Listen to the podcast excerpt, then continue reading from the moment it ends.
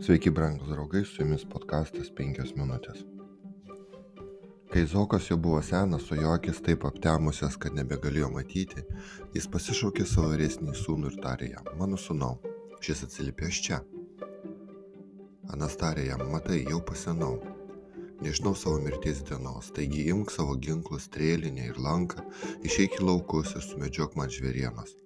Tuomet paruoš man gardų valgį, kad aš, kurį, kokią aš mėgstu, ir atneš man pavalgyti į dan prieš mirdamas, palaiminčiau tave savo sielos palaiminimu. Pradžios 27 nuo 1 iki 4 eilutės. Izuokui tuo metu buvo apie 135 metus.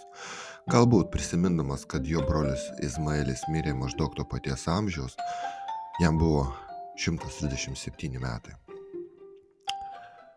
Ir Izaokas jau pajuto mirties artėjimą. Tačiau Biblijos istorija mums pasakoja, kad jis veltui jaudinosi, gyveno dar mažiausiai 45 metus ir mirė sulaukęs 180 metų.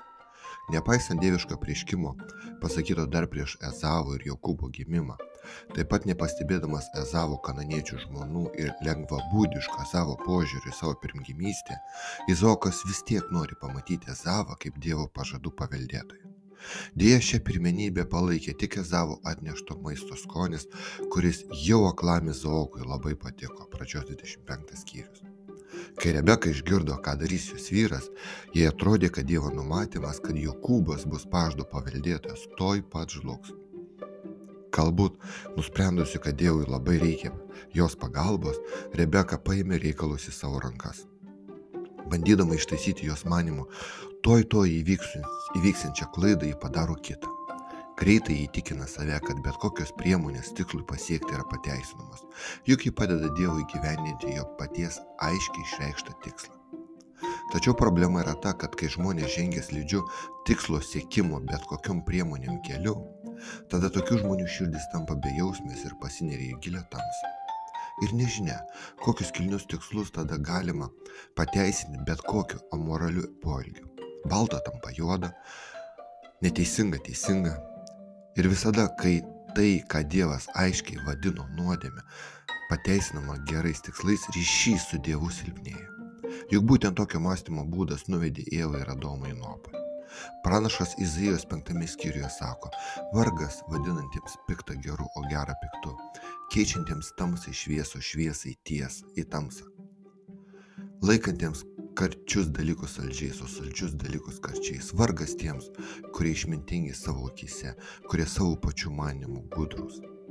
Rebeka įtraukė Jokūbą į savo planą ir nuslopino parkeikimo baimę, juk jei būtų atrasta apgavyti, apgavystė, ką tėvas padarytų. Baimė būti pagautam buvo nugalėta. O motina jam tarė, tik krintant manęs tau parkeikimas mano sūnau, tik paklausyk mano žodžių, eik ir parnešk juos man. Pradžios 27 skyrius. Siekdama gauti tai, kas atrodė didžiausia vertybė ir kas galėjo išlysti iš jos rankų, ji nesismulkino. Į tai pasitikėjo savo strategijos sėkme, kad nebijojo jokio prakeiksmo. Daugelį metų Jokūbas planavo gauti, gauti trokštamą palaiminimą ir dabar, kai jis ketino išslysti iš jo rankų, jisgi turi veikti kartu su mama. Rebekai nereikėjo daug, kad Jokūbo dviejonės taptų jo aktyvių bendradarbiavimu.